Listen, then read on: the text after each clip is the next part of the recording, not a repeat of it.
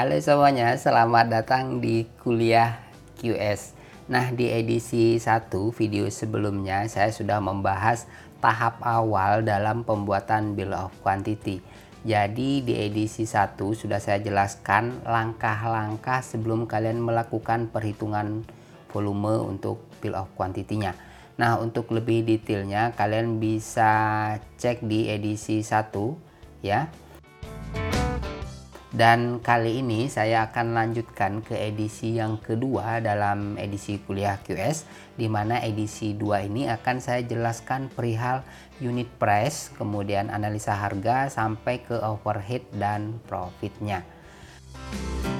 Oke, dalam pembuatan bill of quantity setelah semua volume gambar sudah kita hitung semua, sekarang saatnya kita susun ke unit price-nya. Nah, sebelum kita tambahkan unit price ke dalam semua item yang sudah kita susun, yang pertama pastikan analisa harga satuan pekerjaannya sudah ada. Nah, di sini saya ambil sampel menggunakan ASP PUPR Cipta Karya. Di ASP ini yang perlu kita lakukan adalah update untuk harga upah dari pekerja, tukang, kepala tukang, mandor, dan lain sebagainya. Dan jika sudah selesai, lalu kita update juga untuk harga materialnya. Kemudian semua harus diupdate ya, dan pastikan harga yang kita gunakan tersebut baik upah maupun material itu sesuai dengan lokasi project kalian kalau misal project kalian di Jawa Tengah ya kalian harus update sesuai dengan upah dan harga material di daerah Jawa Tengah. Begitupun kalau misalkan uh, project kalian posisinya ada di Bali berarti kalian harus update sesuai dengan upah dan harga material yang ada di daerah Bali. Kemudian yang kedua, koefisien dalam analisa harga. Nah, untuk koefisien yang ada di dalam analisa harga satuan pekerjaan ini tidak perlu kalian rubah-rubah. Jadi koefisien ini tetap ya tidak perlu dirubah-rubah. Karena koefisien ini sudah ditentukan oleh riset oleh PUPR. Jadi nggak perlu repot dalam merubah koefisiennya. Namun pertanyaannya gimana jika item pekerjaan yang sudah kita susun ini tidak ada ASP-nya ini. Nah, jadi untuk mensiasati kalian tinggal buat atau disesuaikan dengan jenis pekerjaannya. Nah, di sinilah seorang QS itu dituntut bahwa seorang QS harus mengerti dan menguasai item pekerjaan yang akan dilakukan. Jadi, kalau kalian paham dengan pekerjaannya, kalian itu bisa membayangkan, menganalisa, membuat metode dan pada akhirnya membuat harga pekerjaan tersebut. Nah, suatu contoh sederhana, misalkan pekerjaan kaca frameless. Di analisa harga satuan pekerjaan mungkin ada item pekerjaan kaca dengan frame aluminium dan lain sebagainya. Tapi pas pekerjaan kaca frameless itu nggak ada. Nah, Gimana caranya? Yang pertama, kalian harus tahu pekerjaan kaca frameless itu seperti apa. Dari size, ketebalan kaca, dan lain sebagainya. Nah, ini biasanya kalau apa namanya spek itu sudah ada di gambar ya. Tinggal kalian hitung berapa lama pengerjaannya. Caranya hitung dulu berapa manpower minimal yang akan digunakan dalam pekerjaan tersebut.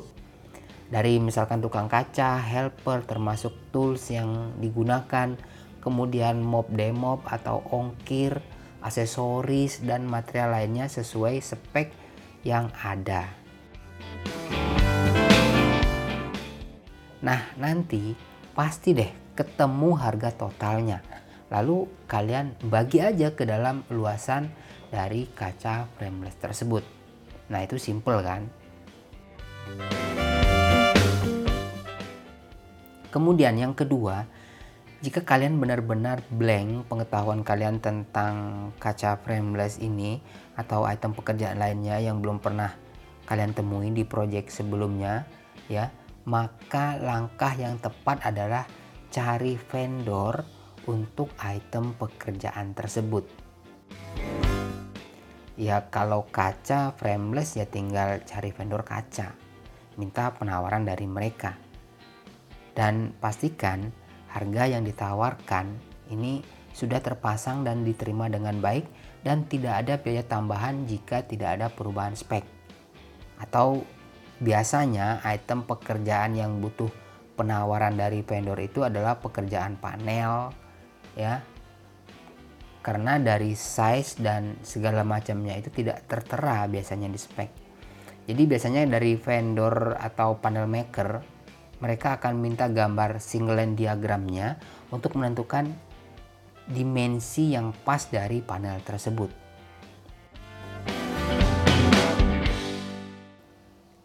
Kalau sudah dapat harga penawaran dari vendor, ya dari misalkan dari vendor panel atau vendor dari kaca frameless, ya udah kalian bisa gunakan harga tersebut sebagai referensi untuk item pekerjaan yang tidak ada analisa harganya. Dan yang ketiga, ya, jadi setelah harga diupdate, kemudian buat analisa sendiri untuk pekerjaan tertentu atau collecting harga dari vendor, kalian pastikan semua link di Excel atau spreadsheet kalian berjalan dengan benar. Tidak terjadi error atau salah link. Atau yang paling sering itu salah perkalian dengan sub penjumlahan jadi ini dipastikan kembali semua dengan benar. Lalu di dalam subtotal analisa harga kalian tambahkan overhead dan profitnya. Ini beda perusahaan, beda project, ini standarnya beda-beda. Ada yang 10%, ada yang 15%, bahkan ada yang 50%. Nah pertanyaan ini tergantung atau mengacu ke mana untuk menentukan persentase besaran dari overhead dan profitnya ini. Kalau pengalaman saya di kontraktor dulu ya, ini besaran persentase ini saya buat berdasarkan yang pertama itu adalah lokasi project. Semakin jauh project maka overhead semakin berisiko tinggi. Apalagi kita belum pernah mengerjakan proyek di lokasi tersebut. Harus hati-hati. Kemudian yang kedua, metode pelaksanaan yang digunakan dalam proyek ini. Mungkin ada beberapa proyek yang metodenya sama. Jika kalian tidak perlu lagi spend money buat metode baru, dan ada juga metode yang baru yang harus membutuhkan uji coba riset Nah, ini juga mempengaruhi dari persentase tersebut. Kemudian yang ketiga, project lagi rame apa enggak? Nah, ini sepele ya, tapi terkadang sebagai pertimbangan juga. Biasanya kalau kontraktor lagi rame job, ya, lagi rame proyek, harganya melambung di atas awan. Kalau lagi sepi job, harganya mendarat gawat darurat gitu loh.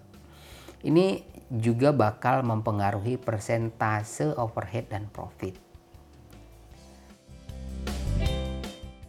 Nah, yang keempat terakhir, jika tahap 1 harga sudah diupdate, tahap 2 buat analisa atau minta penawaran dari vendor udah, tahap 3 overhead dan profitnya sudah ditentukan, terakhir tinggal kalian susun semua rapikan formnya dan buat summary atau rekapnya.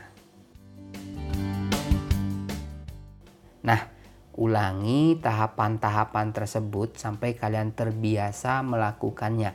Menjadi QS itu tidak hanya dituntut pintar berhitung. Selain selain itu juga dituntut juga bisa menganalisa, teliti, negosiasi dan multitasking tentunya. Nah, untuk kuliah QS edisi 2 ini mungkin sebatas ini. Next edisi ketiga, saya akan coba bahas untuk pembuatan progress report. Mungkin ada yang tertarik? Pasti dong. Nah, di mana lagi dapat pengetahuan QS selain di kuliah QS. Oke, jika ada masukan atau tambahan perihal pembuatan BQ ini, coba kalian share di kolom komentar. Jangan lupa like ya, follow ya, dan subscribe tentunya. Oke, terima kasih telah mendengarkan podcast ini. Saya Nguralit, sampai jumpa di kuliah QS selanjutnya. Oke, bye-bye. Salam QS.